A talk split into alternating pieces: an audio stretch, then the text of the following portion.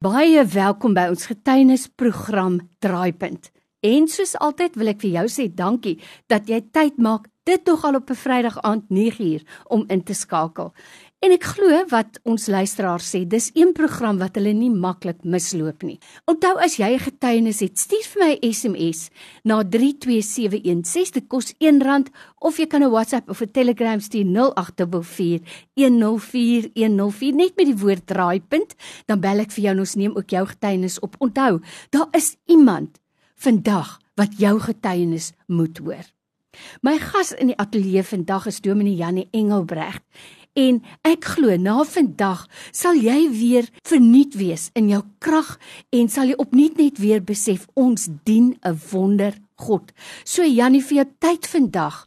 Baie baie dankie ons waardeer dit. Dankie Lorraine vir die geleentheid. Voorreg vir my. Nou jy weet in die afgelope 2 jaar het baie mense baie swaar gekry en hmm. dit is vir my asof ons gekonsentreer het alleenlik op COVID-19 en alle ander siekte toestande het bietjie aan die agterspeen gesuig. Jy weet dit was vir my asof dit nie die aandag gekry het wat dit werklik verdien nie. Maar in hierdie 2 jaar was daar ook droewige siek mense en dis vir my asof ons die aandag bietjie daarvan weggetrek het. Nou jy weet wat dit is om in 'n siekbed te lê, maar vandag kan jy ook getuig dat jy deur die krag van die Here daaruit opgewek is. Waar begin jou verhaal? Absoluut ja, Lorraine myne het ook begin maar einde verlede jaar waar ek die geleentheid gekry het om uh, van Otterie gemeente te skuif uh, Riebeek Wes toe.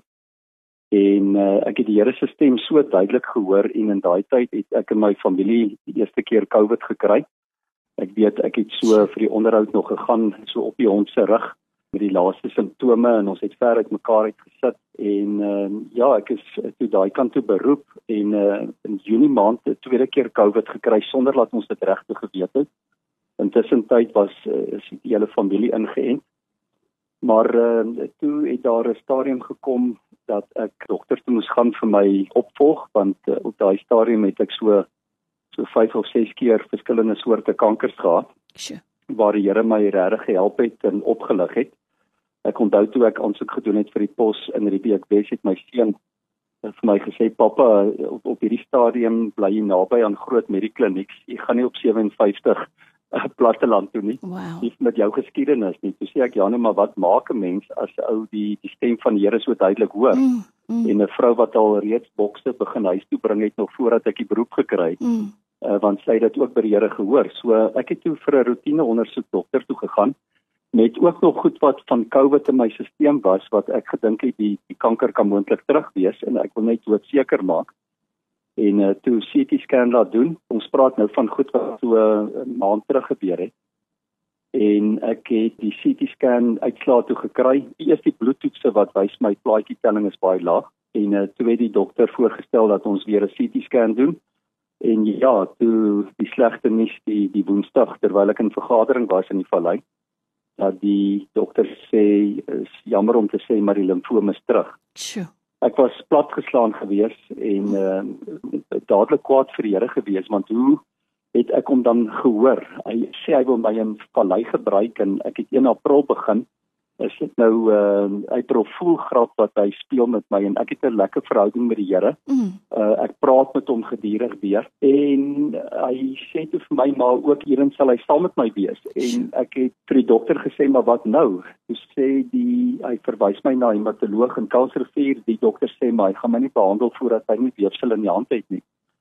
En jammer nou vir die detail maar dit is belangrik ook uh, wat die getuienis vir my betekenis mm. gegee het en dit is dat uh, hematoloog toe gesê het maar hy soek weefsel. En met die chirurg gesê maar dis te moeilik om daarby uit te kom want die kliere is hier in die paraortiese area mm. en dan ook in die buik en om daarby uit te kom net 'n biopsie te neem is te is groot ingrype in jou liggaam en uh, daarom het hy besluit dat 'n longspesialis moet ingaan met 'n kameraitjie en 'n naald.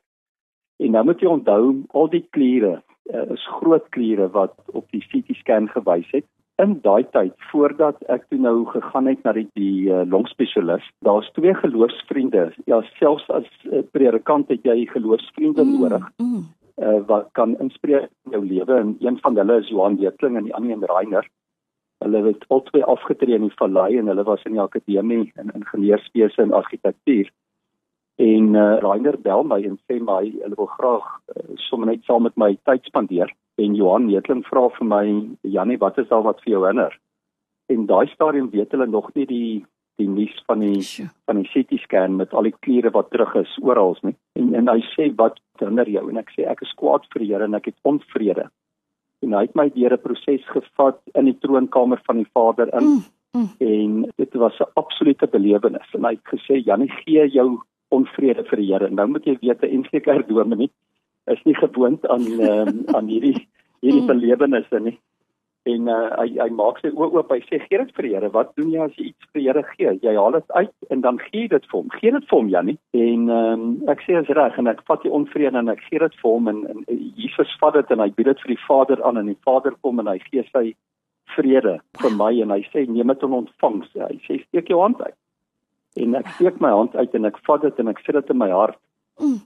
en ek kan ek kan jou nie met met my mond uh, vertel wat daai oomblikke gebeur het nie Wow. Daar was nooit vir my gebid vir gesondmaking nie. Net ek onthou hy het vir my gesê raak net aan die hy wou sê tossel van die kleed van die Here. Toe praat hy van bessies of wat ook al en hy kom en sy vriend korrigeer hom toe sê hy Johan dit is tossels. Mm. toe sê hy maar raak net aan die tossels en mm. ek aan, aan aan die tossels raak en dit is waar ek my gesondmaking uh, klein dat die Here my daar aangeraak het. So toe kom ek nou die volgende dag of die twee dae later by die uh, longspesialis en toe hy ingaan, het hy die kliere gesoek wat op die CT scan was. en uh, toe ek in die herstelkamer was, was die eerste ding wat die ou vir my gesê die kliere is nie daar nie. Die enigste ene wat hy kon kry is groot soos my my pinkie se naal. Ai. En uh, hy het nou maar 'n naal daar ingesteek en daar was 'n patoloog in die teater en die, die sy het gesê ek het genoeg weefsel maar uh, op hierdie stadium lyk dit negatief. Hulle sal my Vrydag laat weet. Donderdag aand toe bel hy my om te sê dit is negatief. Prys die Here. En die hematoloog het toe ook gesê my wil my nog steeds sien en ek was by hom gewees en hy sê hy kan dit nie verklaar nie. Toe het ek net 'n opsomming gegee van wat ek nou vir jou gee en vir die luisteraars dat ehm um, God is inderdaad groot en um, hy het gesê al besluit ons dis dis baie goeie nuus. Ek sê ek ons hoef nie besluit nie, dit is inderdaad goeie nuus. Dis gedoen. Maar hy sal uit 'n uh, uit sy mediese veld sal hy graag tussen 3 en 6 maande weer 'n PET scan wil neem en ek meen ek het ook ingewillig om dit te doen en dit sal nou in Maart, uh, April in 2022 gedoen word maar dit is wonderlik uh, Lorraine. Ek gaan aan met my werk. Ek is besig uh, besiger as ooit. Ek is gesond en ek is innig dankbaar en dankbaar vir die aanraking van die Here. Sjoe nou my gas vandag is Dominee Jannie Engelbrecht en ons praat oor werklik waar 'n pad van genesing. En terwyl ek geluister het Dominee Jannie is daar twee goed wat by my opkom. En die eerste een is God brings you to it and he will take you through it. Hy het vir jou gebring na die beroep en hy sal jou daardeur neem want dit is in sy wil. En dan die tweede ding wat vir my asembenemend is, is dis dieselfde Jesus aan wie se kleed die vrou geraak het wat aan bloedvloeiing ly, wat vandag nog steeds genees. Maar nou wil ek vir jou net uh, hierdie vraag vra. Watter betekenis het geloofsvriende vir 'n mens op hierdie pad? Kyk, jy kry Jobs vriende wat vir jou gaan sê, "Jonk, gaan soek die sonde wat jy gedoen het." Maar dan kry jy ook geloofsvriende. Watter betekenis het dit vir 'n mens in jou lewe? Ja, wanneer God uh, vir jou visie kom gee uh, en hy kom gee vir jou woord, is dit altyd goed om dit te toets.